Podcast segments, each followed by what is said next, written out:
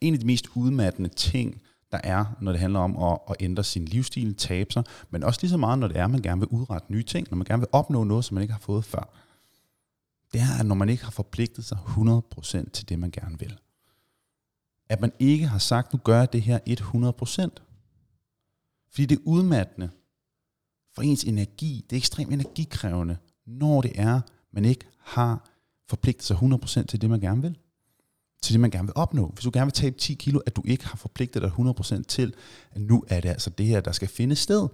Og jeg siger det, fordi at man nogle gange står i en situation, hvor hvis det nu er, at man ikke har forpligtet sig 100% til det, at man ikke har sagt, nu er det det her, jeg gør, nu er det her rigtig, rigtig vigtigt for mig, at så står du tit og ofte i situationer, hvor at du enten skal vælge, lad os bare sige, jeg skal op og træne, eller gå hjem og se Netflix, eller gå hjem og lave aftensmad, eller hvad det nu måtte være. Du står rigtig tit i de her dilemmaer her, som er ekstremt energikrævende, fordi når man så kommer hjem, på trods af, at man godt ved, at man burde have taget sin træning, eller man burde have spist sundt, frem for at man så havde bestilt noget takeaway, det er ekstremt energikrævende. Det er hårdt.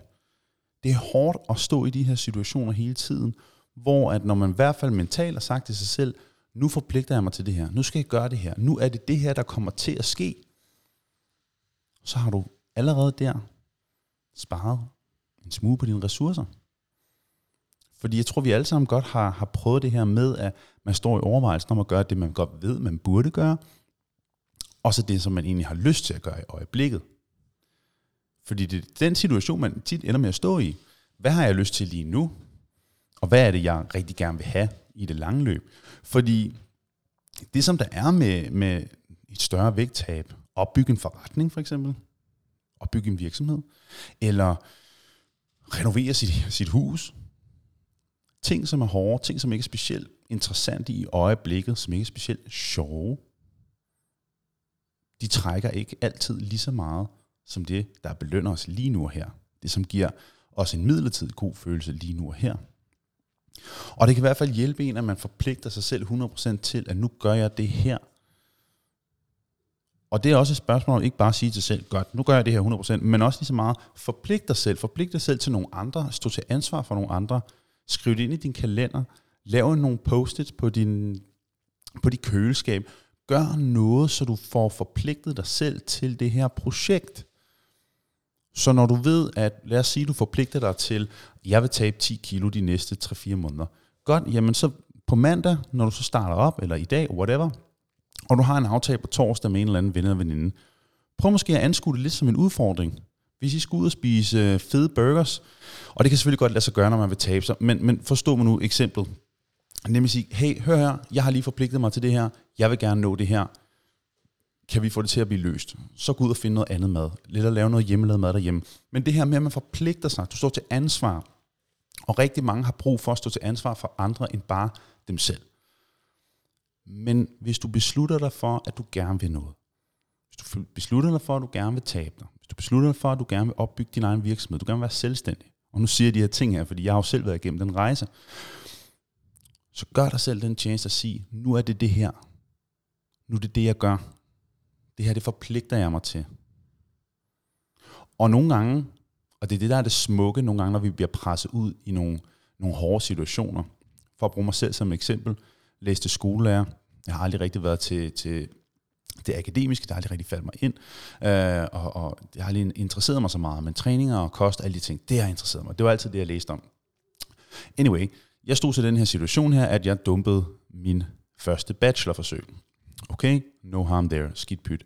Men jeg endte faktisk med at stå i en situation over for sensor, over for eksaminator, hvor de sagde, du har jo et til forsøg, Jacob. Og jeg vil lige sige, jeg kan virkelig ikke særlig meget forsøg. det var virkelig en sløj bachelor. Men jeg endte med at stå i en situation, hvor jeg sagde til dem, I kommer ikke til at se mig igen.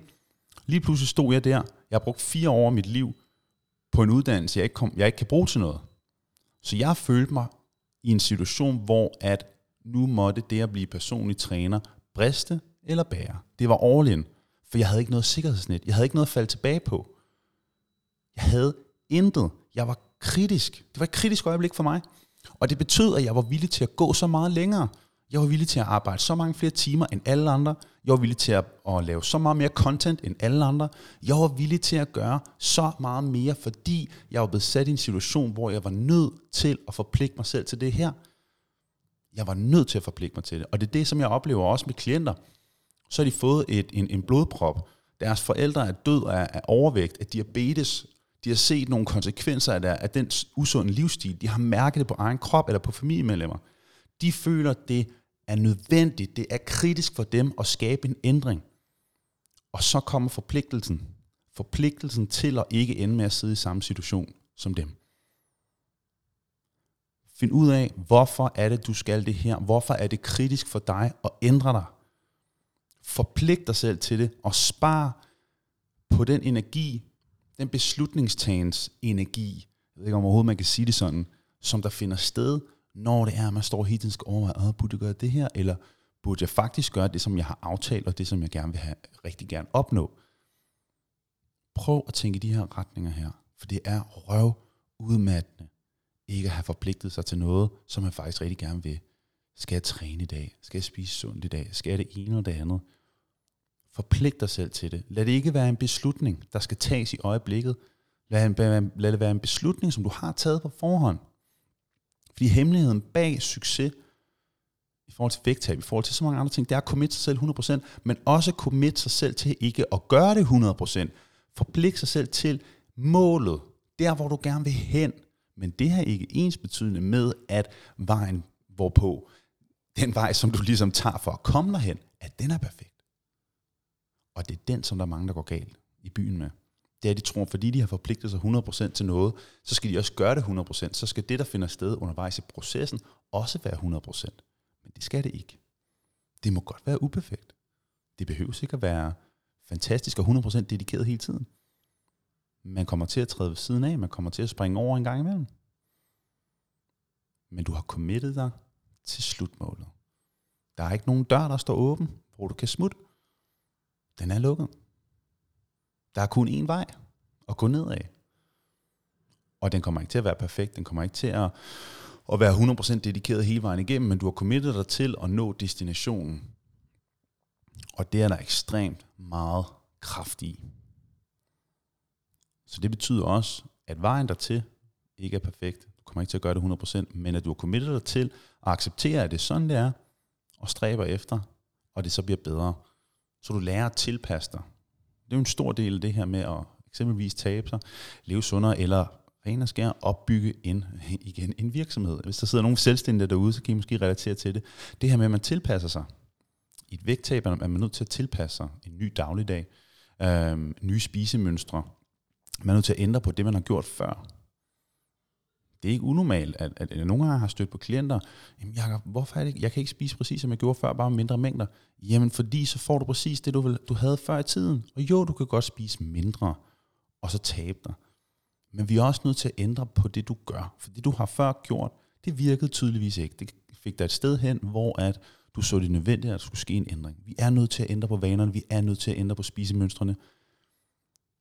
Vi er nødt til at tilpasse os, vi er nødt til at adapte dem, der er selvstændige som, øh, og, og ligger på sociale medier, Facebook og Instagram, det er gået rigtig meget over til at blive en videoportal. Så det er primært video, der bliver lagt op derinde. Og det er især de her reels, og det kommer også fra TikTok. TikTok, øh, de her korte, meget korte videoer, starter ud med primært på dans. Øhm, og mange af os, som lever af sociale medier, som, som, hvor at forretningen finder sted på sociale medier, Uh, vi har måttet virkelig tilpasse os. Jeg har virkelig måttet tilpasse mig, for jeg har godt, kan godt lide at lave nogle lange videoer, godt lide at livestream, jeg kan godt lide at lave, komme med noget dybdegående information.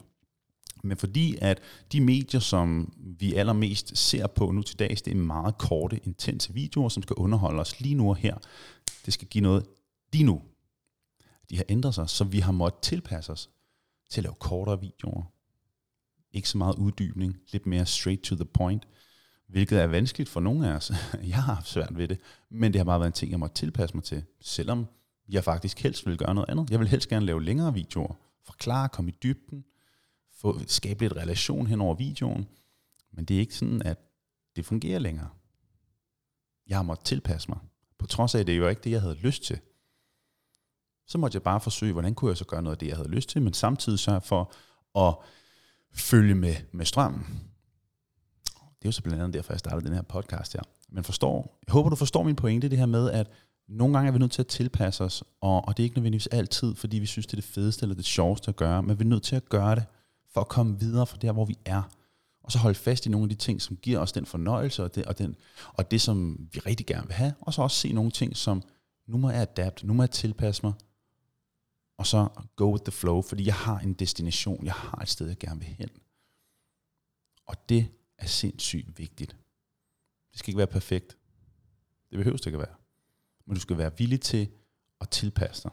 Du skal være villig til at acceptere, at du til tider også kommer til at prioritere nogle ting fra, som du ellers nyder, fordi du gerne vil have noget andet.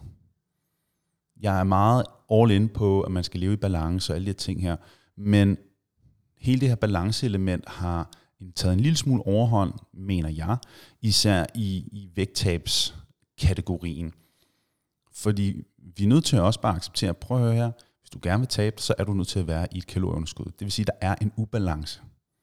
Der er en ubalance. Så du er også nødt til at frelægge dig nogle af de ting, frelægge dig nogle af de vaner, som du før har haft, for, som har, har fået dig et sted hen, hvor at du ikke så dig selv lykkelig, eller hvor at du, du gerne vil have skabt nogle forandringer. Så vi er også nødt til at, at huske på, et, et kalorieunderskud, det er en, en ubalance. Du kommer til at være sulten, du kommer til at, at ikke føle dig helt mæt. Det, det er en normal del af processen, fordi du ikke får den mængde kalorier, som din krop har brug for, og så reagerer man ved sult.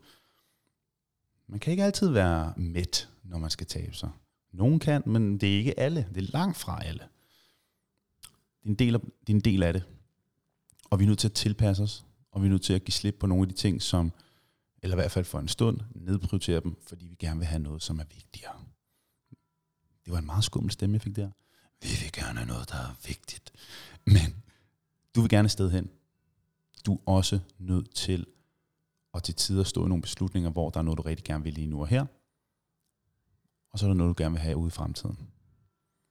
Nødt til at huske på, den belønning, der er langt ude i fremtiden, at den er virkelig, virkelig vigtig. Og det det er som regel den, der kan give os allermest. Kontra det, som giver belønningen lige nu her. Og med sociale medier, tilgængeligheden af mad, tilgængeligheden af film, serier, underholdning, så er vi ekstremt påvirket til skubbet en retning til at gøre det, som vil give os forløsning. lige nu og her. Jeg tror, der er mange, der gerne vil have en forløsning lige nu og her. um, men det kan vi sgu ikke altid, vel? Vi kan ikke altid få den her skide forløsning lige nu og her, selvom vi gerne vil det. Nogle gange er man også nødt til at vente. Nogle gange er vi nødt til at vente på den forløsning, der kommer senere hen, som uden tvivl vil være meget bedre end den, som der kommer og er hurtigt inde og hurtigt ude. Mm. Det må vist være den absolut bedste måde at afslutte det her, den her korte podcast på.